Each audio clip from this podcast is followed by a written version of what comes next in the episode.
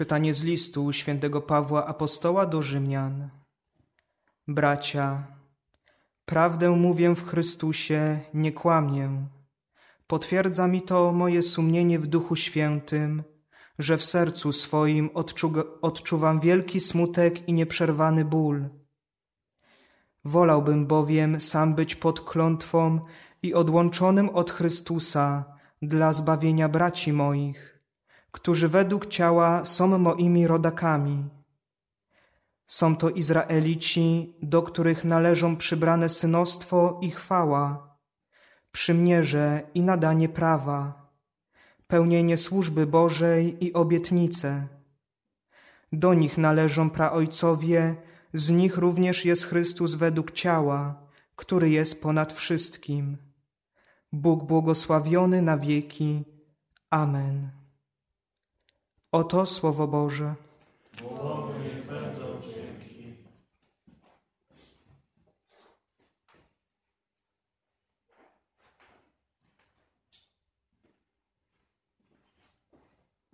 Pan z wami. Słowo Ewangelii według świętego Łukasza.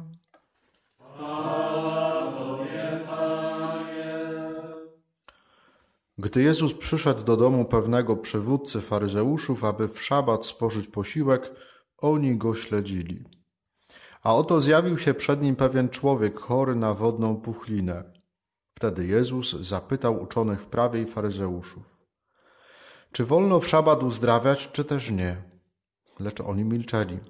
On zaś dotknął go, uzdrowił i odprawił. A do nich rzekł: Któż z was, jeśli jego syn albo wół wpadnie do studni, nie wyciągnie go zaraz nawet w dzień szabatu. I nie mogli mu na to odpowiedzieć. Oto słowo Pańskie.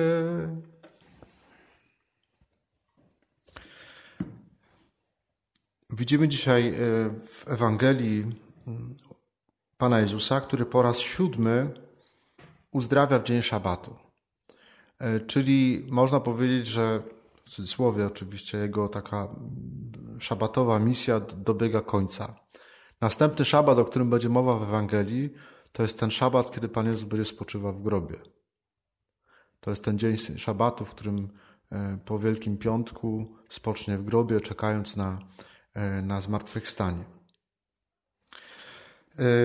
Przepisy szabatowe dotyczące tego, jak właśnie świętowanie szabatu, jak ta uczta szabatowa powinna wyglądać, ale w ogóle przepisy związane z szabatem, no to jest rzeczywiście mm, niesamowity zbiór różnych przepisów, zakazów, nakazów.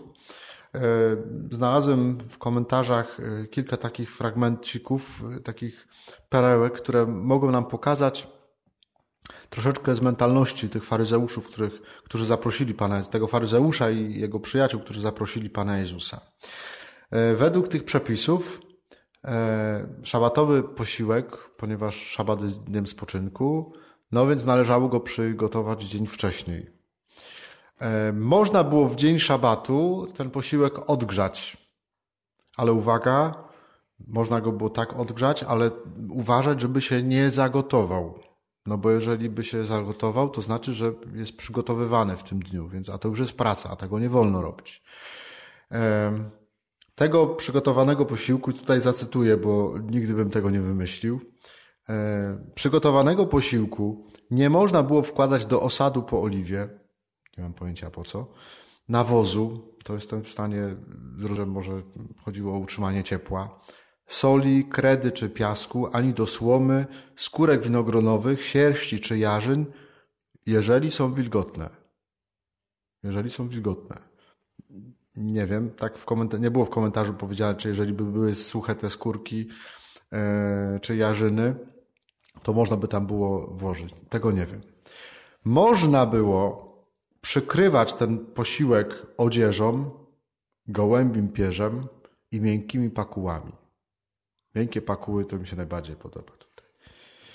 E, więc to zobaczcie, jak to było wszystko precyzyjnie e, określone. Tam, tam po prostu każdy szczególik to było wszystko mm, gdzieś przez rabinów określone, co można, ile można. Tych przepisów szabatowych jest naprawdę bardzo, bardzo wiele. To są tylko garstka tego, e, z tych dotyczących samej, samego posiłku szabatowego. E, no i mamy drugą, drugą kwestię. Co zrobić, gdy zwierzę też w szabat studni?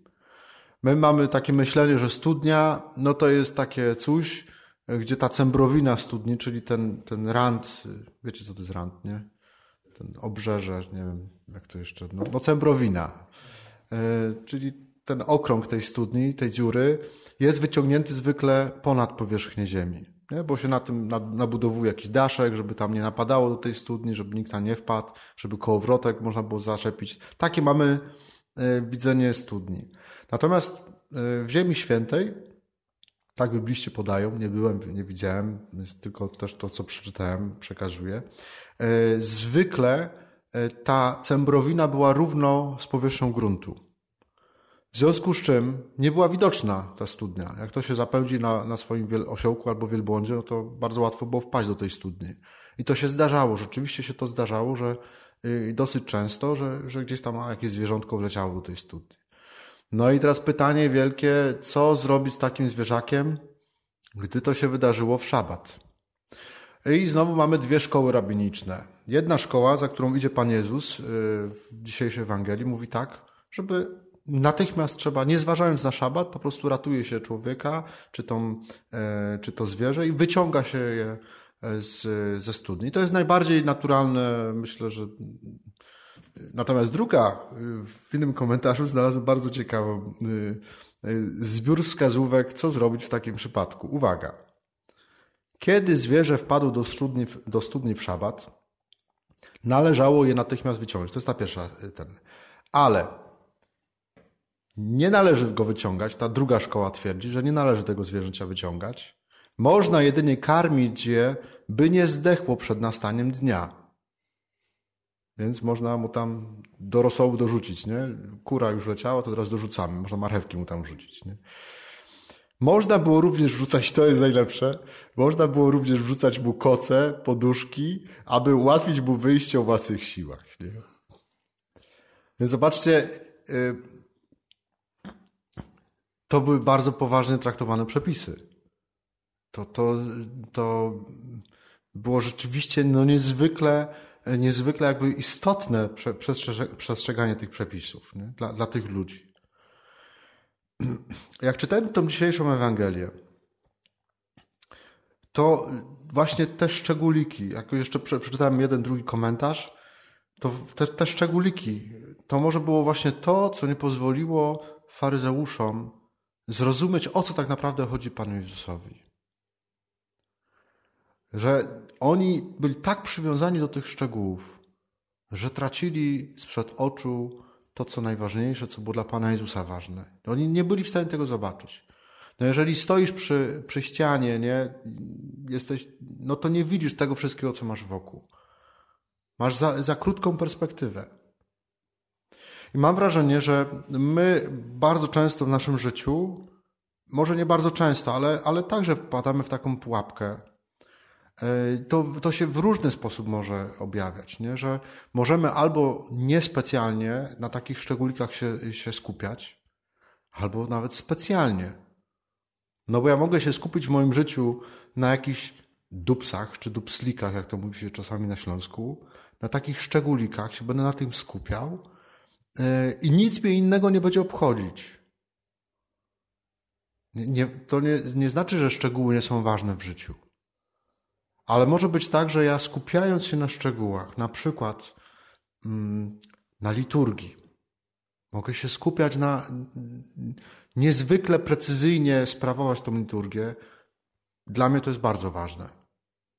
Ale można w tych wszystkich przepisach liturgicznych, można się za tym wszystkim schować, odgrodzić się od ludzi.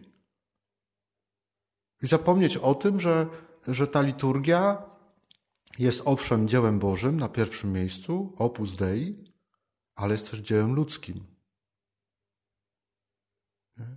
Mogę, y, mogę sprawować tą liturgię tak hermetycznie, tak y, wokół tych wszystkich przepisów, które są ważne i ja osobiście y, po prostu ich przestrzegam i jest to dla mnie coś naturalnego, ale jednocześnie trzeba pamiętać, że, że jestem tylko człowiekiem.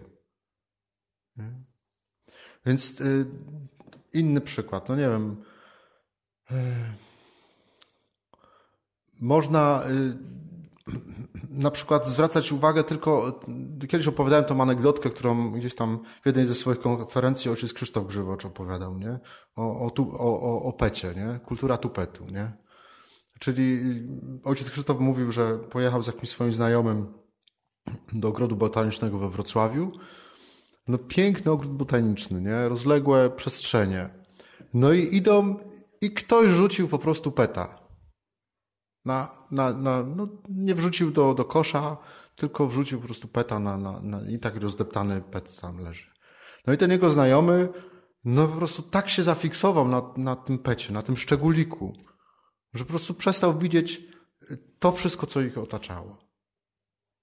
I może być tak, że my w naszym życiu, na przykład w pracy nad sobą, tak się zafiksujemy nad jakąś naszą słabością, czy nad jakimś naszym grzechem, że przestaniemy widzieć po prostu inne rzeczy. Że przestaniemy widzieć inne rzeczy. Może diabłu o to chodzi. Żebyśmy, że skoncentruje nasz wzrok tylko na tym jednym. Żeby nas oddzielić od rzeczy najważniejszych. Przecież jak, w jaki sposób Ewę kusił szatan w, raju? Zwrócił jej uwagę na to, co nie ma i na to, co, na, na jeden szczególik. Że Pan Bóg wam zakazał spożywać z tego drzewa. Cały raj ma do dyspozycji. Wszystko jest koroną, człowiek jest koroną stworzenia. Wszystko jest dla człowieka. Wszystko. Pan Bóg się dzieli z człowiekiem władzą nad tym stworzeniem. Daje mu wszystko, żeby mu służyło.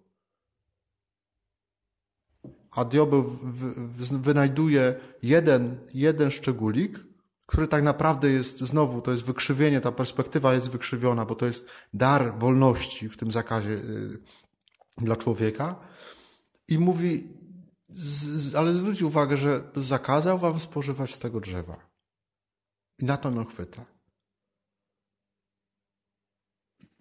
Może być tak, że y, zachęcam was do tego, żeby się zastanowić, czy w moim życiu nie jest tak, że e, właśnie koncentruję mój wzrok na jakichś takich dupslikach, na takich małych, nie mówię, że nieważnych rzeczach, tylko że, że za bardzo się nad nimi koncentruję i umyka mi coś o wiele ważniejszego.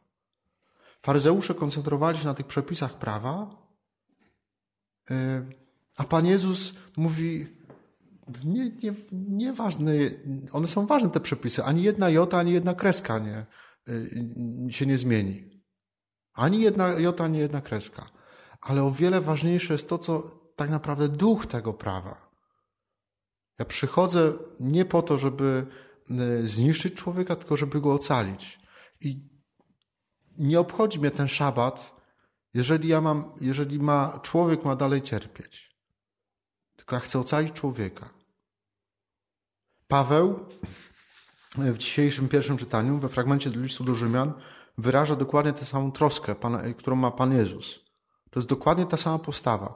On mówi tak: Ja jestem w stanie poddać się pod klątwę, byle tylko ocalić moich, mo, moich y, współbraci, Żydów. Jestem w stanie zrobić wszystko.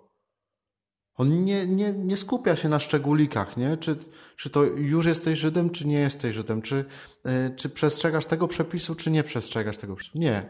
On mówi, jestem w stanie zrobić wszystko.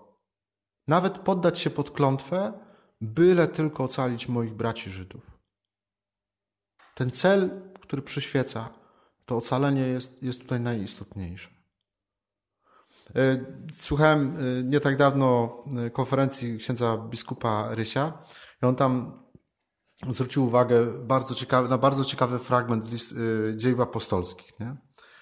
Jest dekret Soboru Jerozolimskiego, w którym pamiętamy, że, że to chodziło między innymi o to, czy bracia, y, którzy byli poganami, mają, zanim przyjął chrzest, mają najpierw przyjąć Stary Testament wraz ze znakiem obrzezania.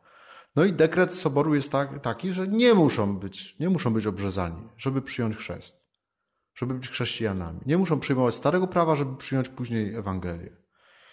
No i, i to jest jedno. Natomiast w następnym rozdziale jest mowa o tym, że Paweł wyrusza na misję i co robi?